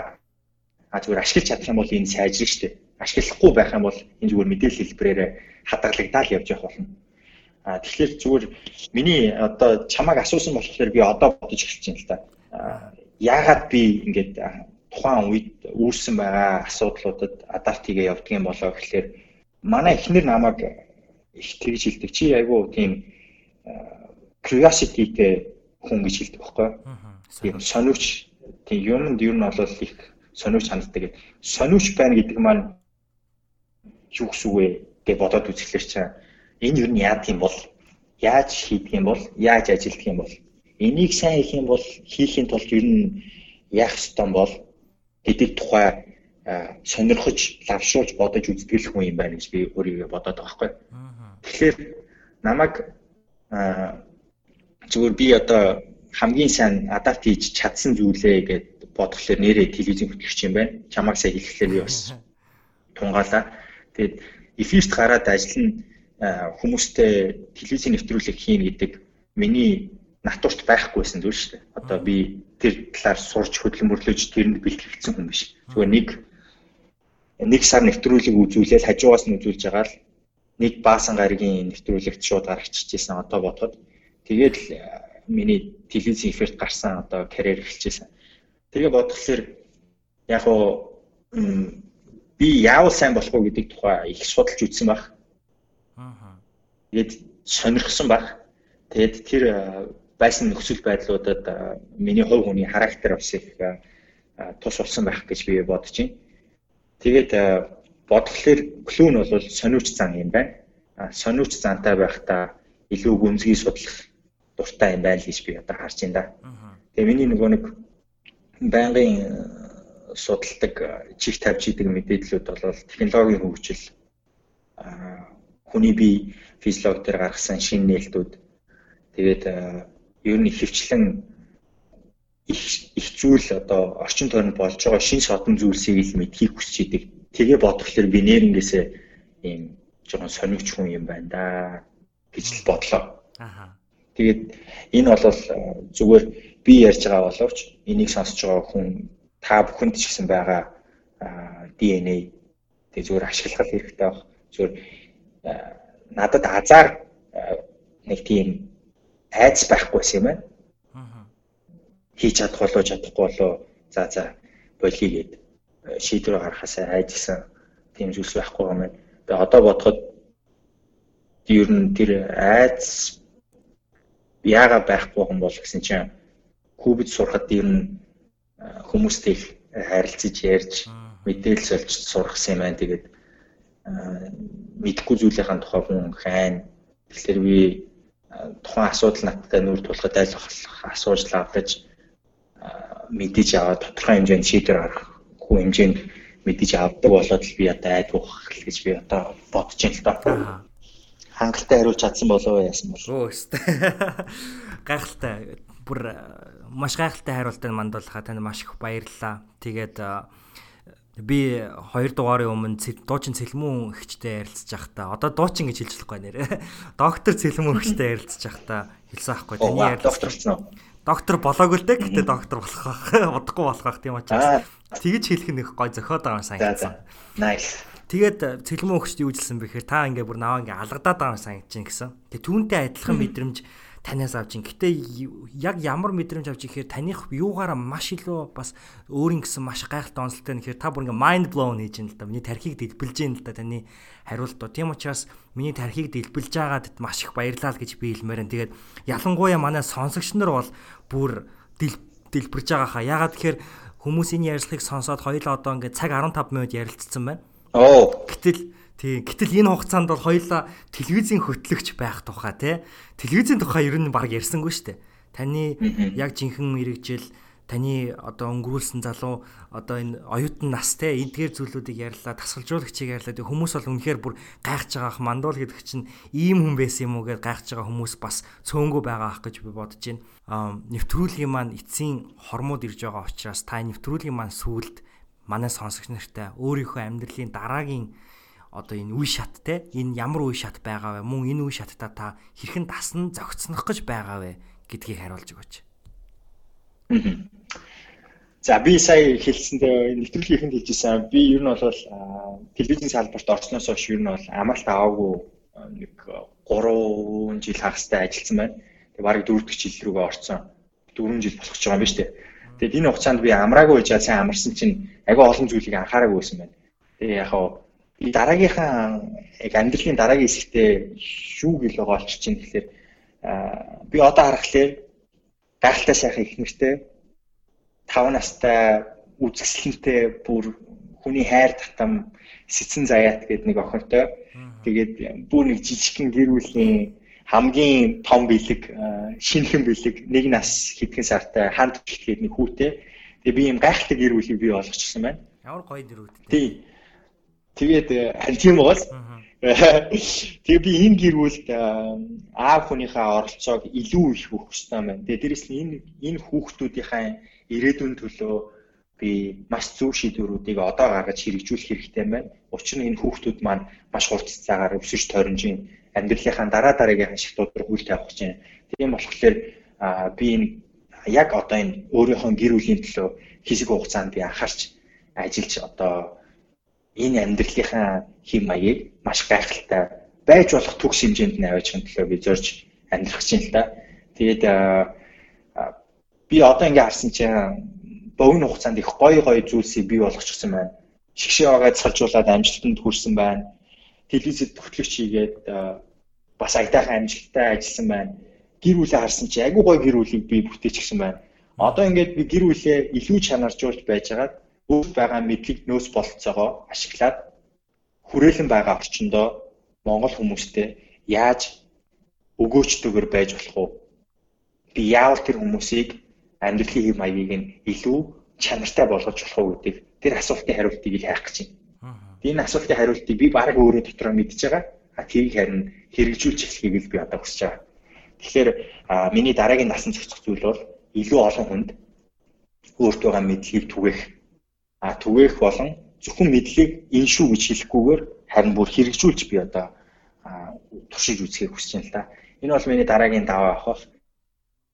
Тэгээд энэ амьдралыг бий болгосон аав ээж намайг энэ хүртэл амьдрахад одоо байсан тэр бүх хүмүүст би маш их баярлж байна.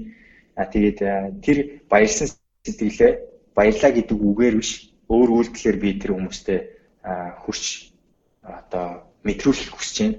Тэгээ энэ бол миний бас хайж байгаа хариултуудын нэг. Тэгэхээр та бүхэн ч гэсэн яг нэг зүйлийг зөвлөхөд embrace хийгээрэй. Энэ байгаа бүх одоо нөхцөл байдлаа аль болох эргээр хараарай. Тэгээд аль болох хайрлаарай. Тэгээ би одоо ийм зүйл хэлмээр байна. Аа хүн болгонд үе шатууд гэж байгаа. Тэд тэр үе шатууд руугаа орохдоо хүчтэй strong орох хэрэгтэй. А strong орохын тулд өнөөдөр бэлтгэл хийх хэрэгтэй шүү. Get out. Тэгээд start jogging тий. За за. Маш баярлалаа тийм энэ сүүлийн хавгийг хэлж байгаа болохоор энэ мэдээллийг цааш нь маш олон хүнд түгээгээрэй. Сэхэдэн подкастыг өдөр болгон сонсороо өдөр болгон сонсох тийм нэвтрүүлэг хийдгүү шинээрээ 7 хоногт нэг хийдгүү. 7 хоногт манай хамтрагч бит хоёр ер нь бол 7 хоногт нэг хийж байгаа. Тэгээд одоо ер нь нэмэх гээл байгаа тоогоо. Nice. Тэр нөгөө нэг дахин дахин сонсороо approximately нэг хүн 3 хоногт мэдээллийг агуулж байгаад тэг хэрэглэхгүй бол тэр мэдээлэл ингээд тархинаас цаатлынхаа одоо хэрэгэлдэггүй memory side руу орж иж байгаа тэгээ мартагдах магадaltaй.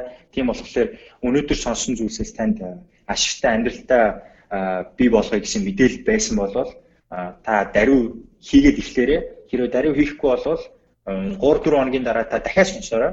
Тэгээд хөвшил болтлоо энэ мэдээллийг сонсоод apply хийгээд яваарай. Бид хоёр бол маш богино хугацаанд маш олон зүйлийн талаар товчхон товчхон хэллээ. Тэгээд энэ мэдээллүүд илүү судлах тэр сэтлийг өгсөн байгаасай л гэж би найдаж байна. Маш баярлалаа. Тэгэлгүй ах уу.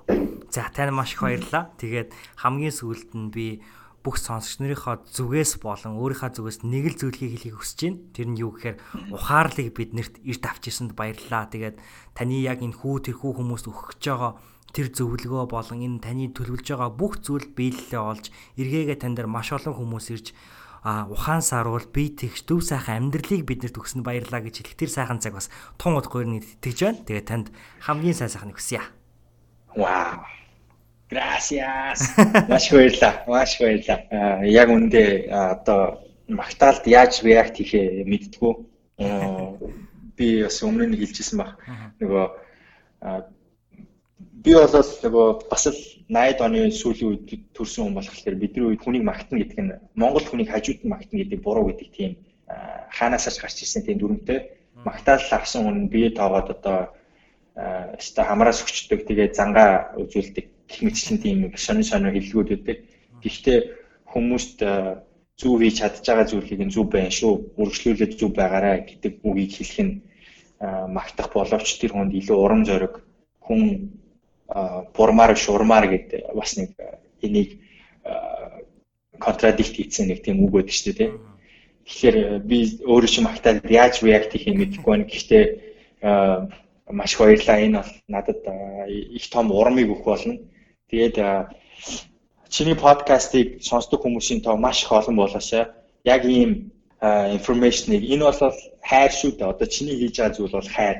Энэ хайрыг чи спред хийж байгаа. Тэгээд яагаад вэ гэхээр чи хүмүүсийг кэр хийдэг учраас чи энэ мэдээллийг чи бродкаст тэгээд энийг ингээд хүмүүс рүү түгээж байгаа тийм ээ. Хэрвээ чи нэг нэг кэр хийдгүйсэн бол чи зүгээр л өөр ямар нэг юм хийц явж байгаа. Тэгэхээр энэ хайрыг түгэж байгаа хүмүүсийг дэмжих хэрэгтэй. Энэ хайрыг түгэж байгаа ийм хүмүүс олон болох хэрэгтэй.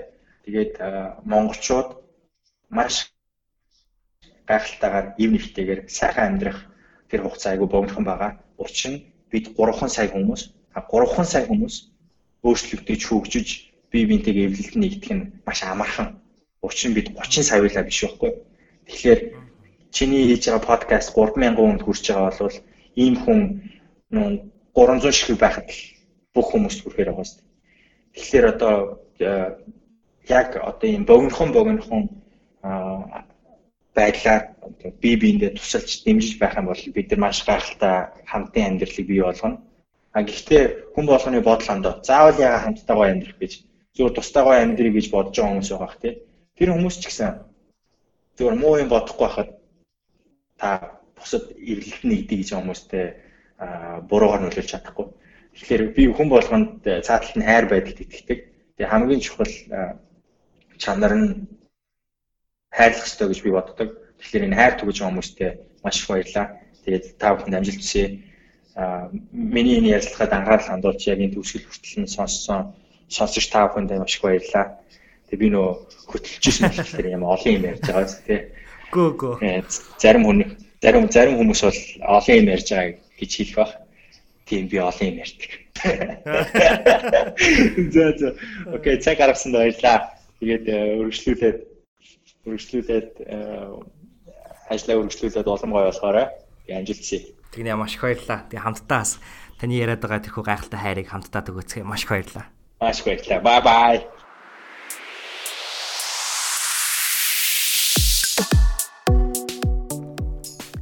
Энэ хүрээд Сэхэтэн төслийн хүрээний бэлтгэн хүргэдэг Нямын 8 подкастын маань 63 дугаар дугаар өндөрлөж байна. Тэгэхээр Сэхэтэн гэр бүлийн гишүүн та юу хийхээ сайн мэдэж байгаа. Тэр нь юу гэхээр манай гэр бүлийнхэн маань энэхүү дугаартаа оролцсон зочиндоо баярлаа гэж хэлдэг уламжлалтай болоод байгаа лээ. Энэ нэвтрүүлгийнхаа хамгийн түрүүнд мандуулахаас таны Instagram нэр яагаад Mandul Aero юм бэ гэж асуусан те. Mandul Aero гэд асуултын хариултыг бол мандуулах маш гоёор өгсөн байгаа. Тэгэхээр та бүхэн Instagram дээр мандуул ахыг олоод дагаарай. Юуны төрөнд мандуул эро буюу M A N D U U L E R O мандуул эро гэдэг байгаа. За миний Instagram хаяг болохоор цогт бэлгүүн дээр байгаа. За бид хэрхэн баярлаа гэж хэлдэг вэ гэхээр яг одоо та энэхүү подкастыг сонсч байхдаа скриншот хийгээд Instagram story дээрээ тавиад мандуул ахыг болон намайг Instagram story дээрээ меншн хийх юм аа. Тэгээ бид бүхэн үүнийг хүлээн авахдаа маш их баяртай байдаг. Манай зочид маань та бүхэнтэй холбогдох бас нэгэн гайхалтай сувг нь болж өгдөг. Тийм учраас энэхүү завшааныг та бүхэн заавал ашиглаасаа гэж би та бүхэндээ хэлхийг хүсэж байна. За тэгээд энэхүү дугаарыг бүгтэн сонссон. Танд баярлаа. Мөн баяр хүргэе гэж хэлье. Ягаад тэгэхээр миний хувьд бол энэ дугаарыг хийсний дараа бол би маш их догдолсон та бүхэндээ хүрэхээс бол маш их догдолж ядсан. Одоо Америк нэгдсэн улсад шөнийн 2 цаг өнгөрч байна. Тэгээд орой бичээд тэр доор нь янзлаад шүн хүртэл янзлаад ингэ та бүхэндээ хүргэж байгаа да баяртай наа.